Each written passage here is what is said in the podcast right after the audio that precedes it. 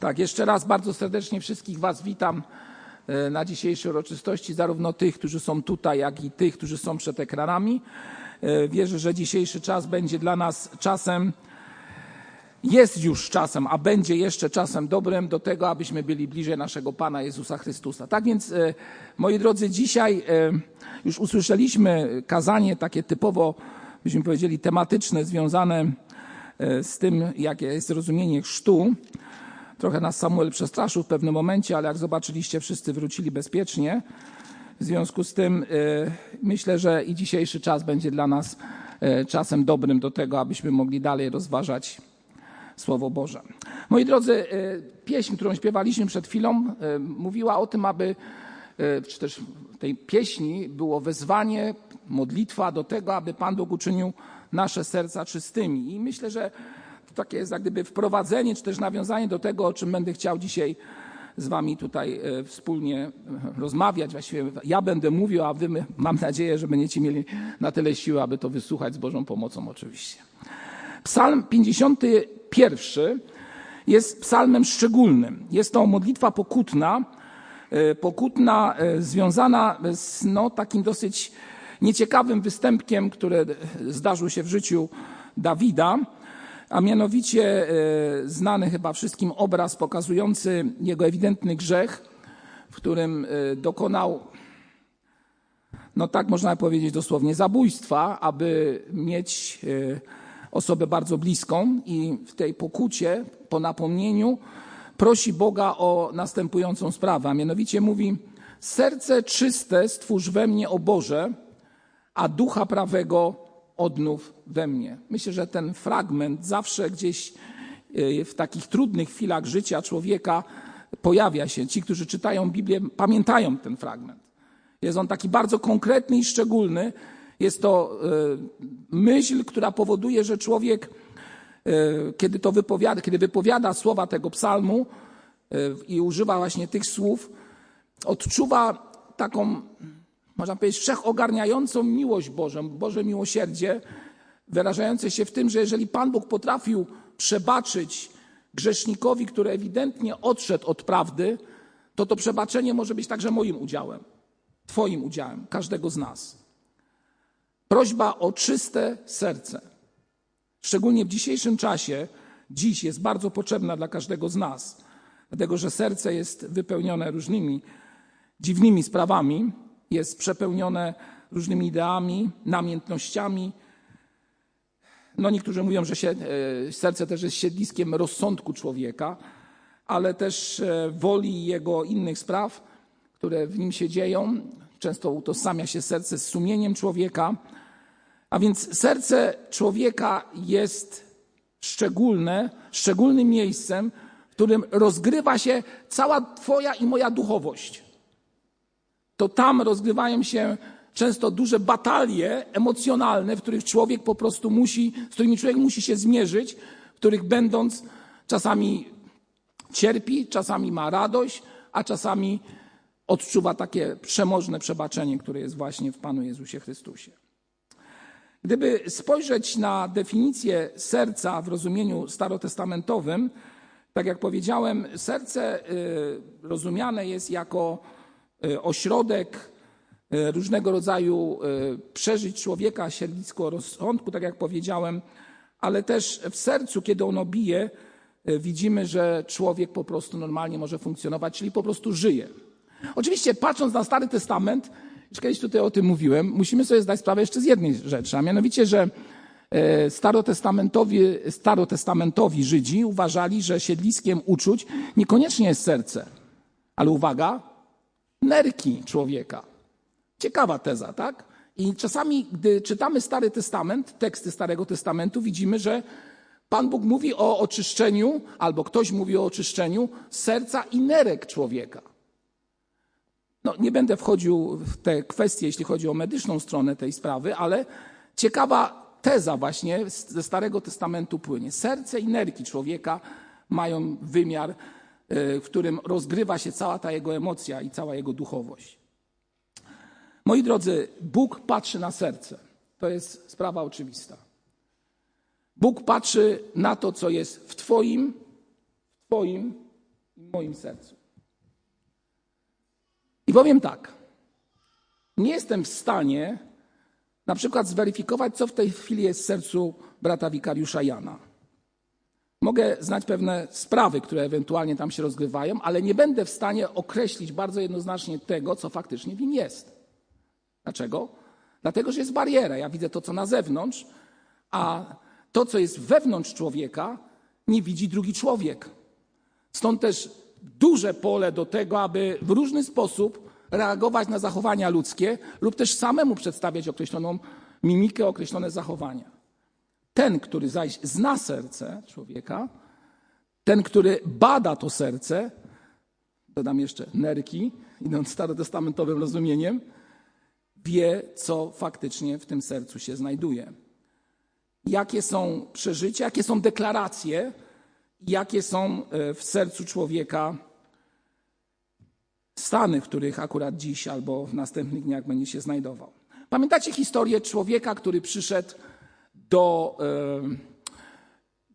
Był wysłany i przyszedł do domu Dawida. Tak?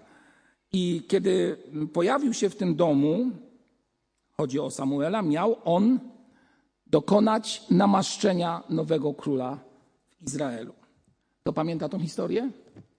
Pamiętacie, jakie tam słowa e, zostały wyrażone, które bardzo jednoznacznie oddają to, co jest sednem patrzenia Boga na nas? Otwórzmy pierwszą księgę Samuelową, rozdział 16. Tak. I spójrzmy na e, werset siódmy. Pan Bóg powiedział do Samuela tak: Nie patrz na jego wygląd, na jego wysoki wzrost. Nie uważam go za godnego. Albowiem Bóg nie patrzy na to, na co patrzy człowiek. Człowiek patrzy na to, co jest przed oczyma, ale Pan patrzy na serce. Pan patrzy na Twoje serce, na moje serce. My oceniamy drugiego człowieka, patrząc, nie wiem, w jego oczy, patrząc na jego fizjonomię, sposób zachowania i tak dalej. Pan Bóg patrzy na serce i on je zna. I kiedy właśnie o tym myślę, yy, i patrzę na przykład na obraz Dawida, o którym tutaj akurat dzisiaj szczególnie wspominamy, widzę, że pomimo tego, że Dawid ewidentnie zgrzeszył, sprzeniewierzył Boże prawo i to tak bardzo dosadnie, a przykazania Boże złamał, to jednak Pan Bóg w swojej dobroci i miłosierdziu, niespotykanej dobroci i niespotykanym miłosierdziu, które nie jest to same rodzajowi ludzkiemu, bo nie mamy takiego miłosierdzia, choćbyśmy nawet bardzo tego chcieli, spojrzał na Dawida w jaki sposób?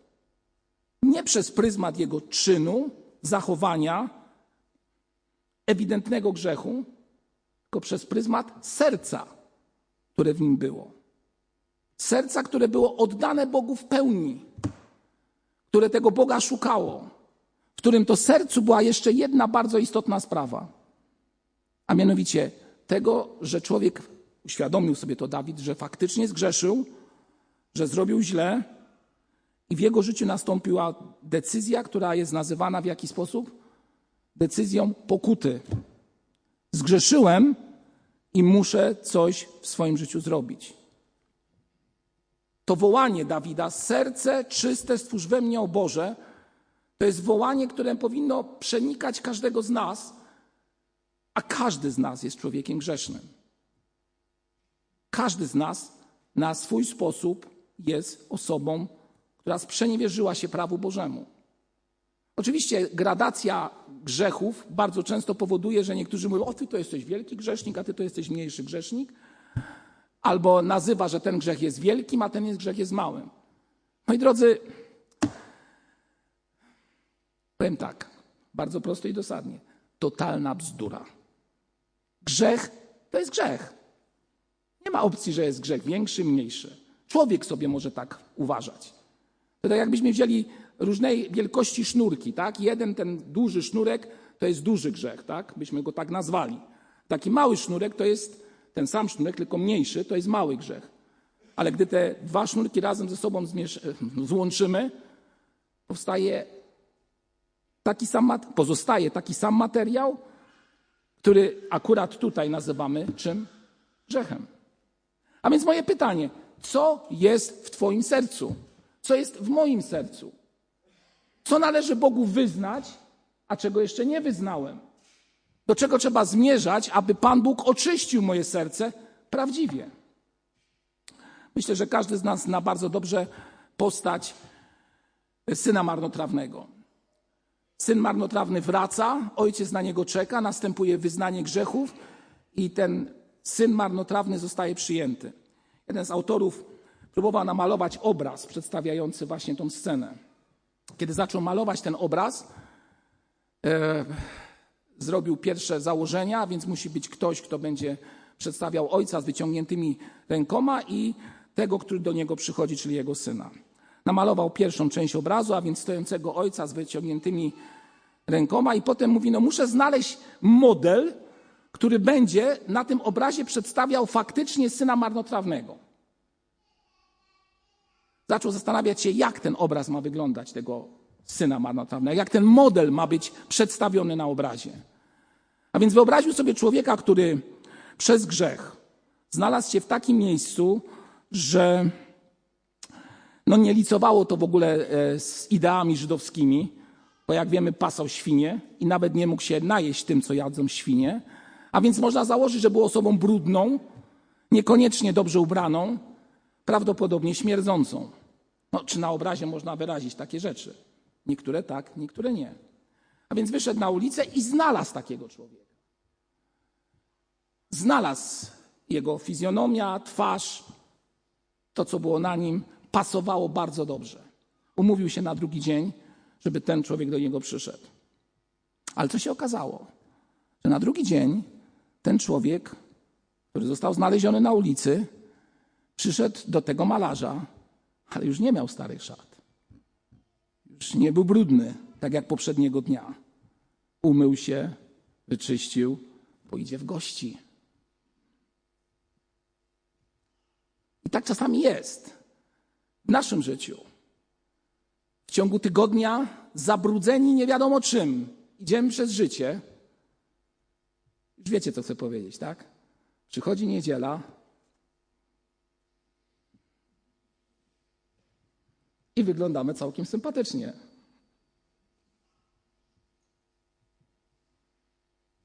Moi drodzy, życie człowieka jest życiem, które, jeżeli przychodzi przed tron Ojca, nie powinno być pudrowane nie wiadomo czym, pielęgnowane. Jeżeli stajesz przed tronem Ojca, to stań takim, jakim jesteś.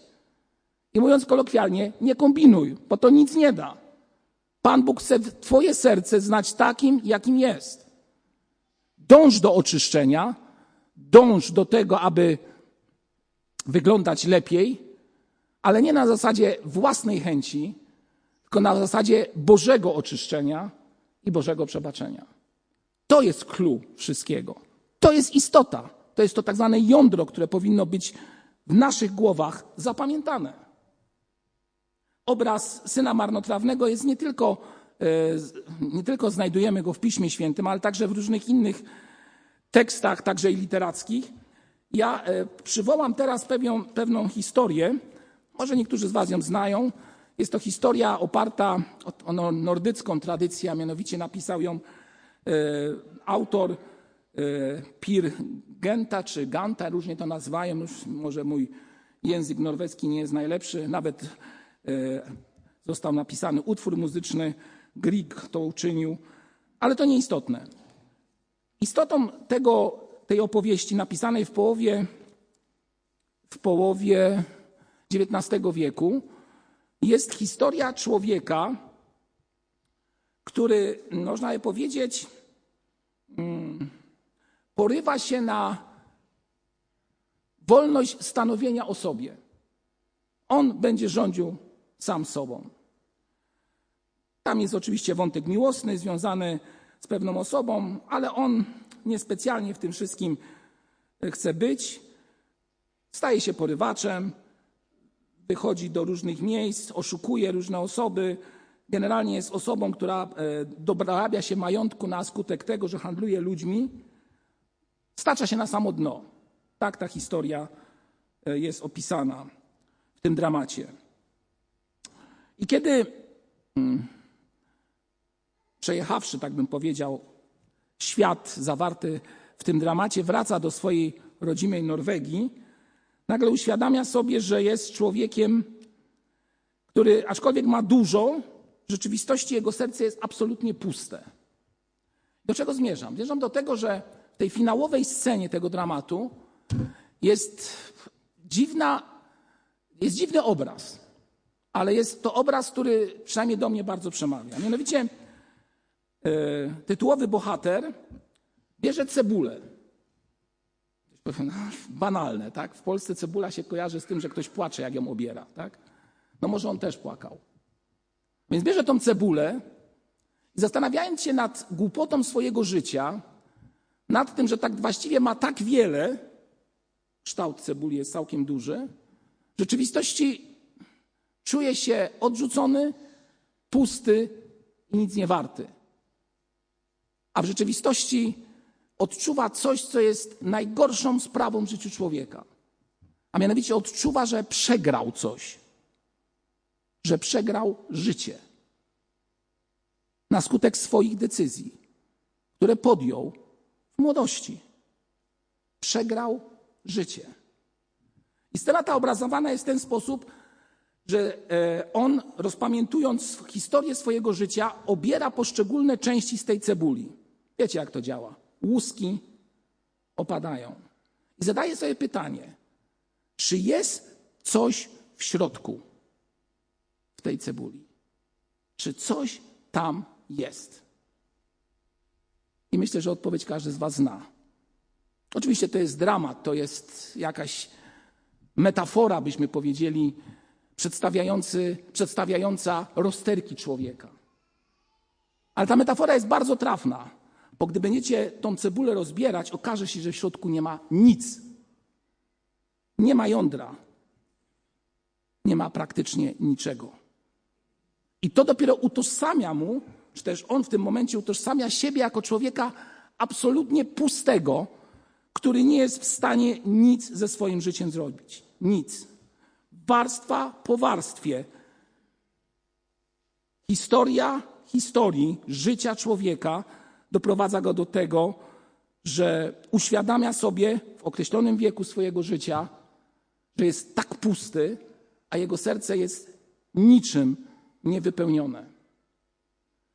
Dramat mówi o tym, że zostaje skazany na to, że będzie za to kłamstwo, zuchwałość, oportunizm i wiele innych spraw zostanie zamieniony. To już nie będziemy wchodzić w szczegóły tego, bo to nie jest istotą sprawy. Koniec jest jednak taki, że ta osoba, którą odrzucił w swojej młodości, jak gdyby wstawia się za nim, taki obraz troszeczkę porównywalny do Chrystusa, chociaż jest to kobieta akurat w, tej, w tym dramacie, wstawia się za nim i mówi, że pomimo tego, że tak splugawił swoje życie, że praktycznie już nic nie może przynieść i jest zupełnie pusty, to jednak w jego sercu pozostała idea. Idea, która wiąże się z miłością do tej, która w jakiś sposób kiedyś została odrzucona przez niego. Ta miłość doprowadza do tego, że jest mu przebaczone. Ktoś zada pytanie, dlaczego akurat ten obraz przedstawiam wam? Pomyślę sobie, że obraz syna marnotrawnego to każdy z Was zna bardzo dobrze. Ale chcę Wam powiedzieć, że ludzie są bardzo poruszeni i wielokrotnie próbują przedstawić właśnie to, co wiąże się z nastawieniem serca i powrotem do Boga w różnych formach. I myślę sobie, że dzisiaj pragnę Was i siebie wezwać do tego, abyśmy jako dzieci naszego Pana Jezusa Chrystusa, wejrzawszy w siebie, spróbowali odchylać łuski, a może nie łuski, tylko zupełnie coś innego, i próbowali znaleźć w sobie to sedno, tą ideę wieczności, którą Pan Bóg dał do naszego serca. ideę wiążącą się z tym, że człowiekowi może być przebaczone, że człowiek ma nadzieję nie za dobre czyny, ale przez miłość. Miłość Boga, przez Jego wstawiennictwo za nami, przez Jego wyciągnięte dłonie, kiedy On czeka na każdego z nas. A więc jakie jest Twoje i moje serce? Co w tym sercu się znajduje? Czy w ogóle coś się znajduje? Może być w Twoim y, sercu przeświadczenie o tym, że zbudowałem moje życie godziwie. Tak, niektórzy też w ten sposób mówią. W sumie nie kradłem, nie byłem zabijaką, byłem osobą ze wszechmiar przyzwoitą. Proszę się nie obrazić, ale powiem, że to nadal nie jest sedno sprawy. To nadal nie jest sedno sprawy w życiu człowieka. Możesz powiedzieć, że jesteś osobą, która przegrała swoje życie przez wybory, miejsca, w których przebywałeś, tak dalej, i tak dalej. Takie przyznanie się myślę, że otwiera drogę do tego, aby Jezus Chrystus mógł zacząć oczyszczać Twoje serce. Możesz zawołać, zarówno będąc w pozycji tak zwanego przyzwoitego człowieka, jak i w pozycji tej osoby, która, tak jak powiedziałem, przegrała życie, możesz zawołać z prośbą do Ojca przez Jezusa Chrystusa: Serce czyste, we mnie o Boże. Prosta, nieskomplikowana modlitwa. Bardzo proste wezwanie Boga, nie wiem, proste zwrócenie się z prośbą do Boga, które de facto nic nie kosztuje. Jeszcze raz powiem, każdy z nas, każdy z nas dokładnie wie, co jest w jego sercu. Każdy z nas wie, co jest w jego sercu. Pytanie: czy potrafisz poprosić Boga, aby on je oczyścił? Czy potrafisz poprosić Boga, aby on, uwaga, co teraz powiem, przez miłość Jezusa Chrystusa, który na drzewie krzyża Golgoty umarł, umarł za Twój i za mój grzech, aby Pan Jezus Chrystus prawdziwie oczyścił to, co może być nazwane prawdziwym brudem, a może też być nazwane całkiem przyzwoitym życiem. Po przyzwoitym życiu może być egoizm, a w brudzie może być przeświadczenie, że mi nie przebaczą. A więc chcę Wam powiedzieć, że zarówno jednym, jak i drugim istnieje Boże przebaczenie. Prawdziwe Boże przebaczenie. Potrzebujemy czystych serc, wypełnionych serc obecnością Pana Jezusa Chrystusa. Abyśmy nie okazali się puści, abyśmy nie okazali się ludźmi, którzy na faktyczny koniec życia powiedzą, że to życie przegrali. Zachęcam Was do modlitwy tutaj, w domach, gdziekolwiek, gdzie będziecie dzisiaj. Modlitwy, która będzie wzywała do jednej prostej sprawy, a mianowicie: Panie Jezu, oczyś serce me. Serce czyste stwórz we mnie, o Boże.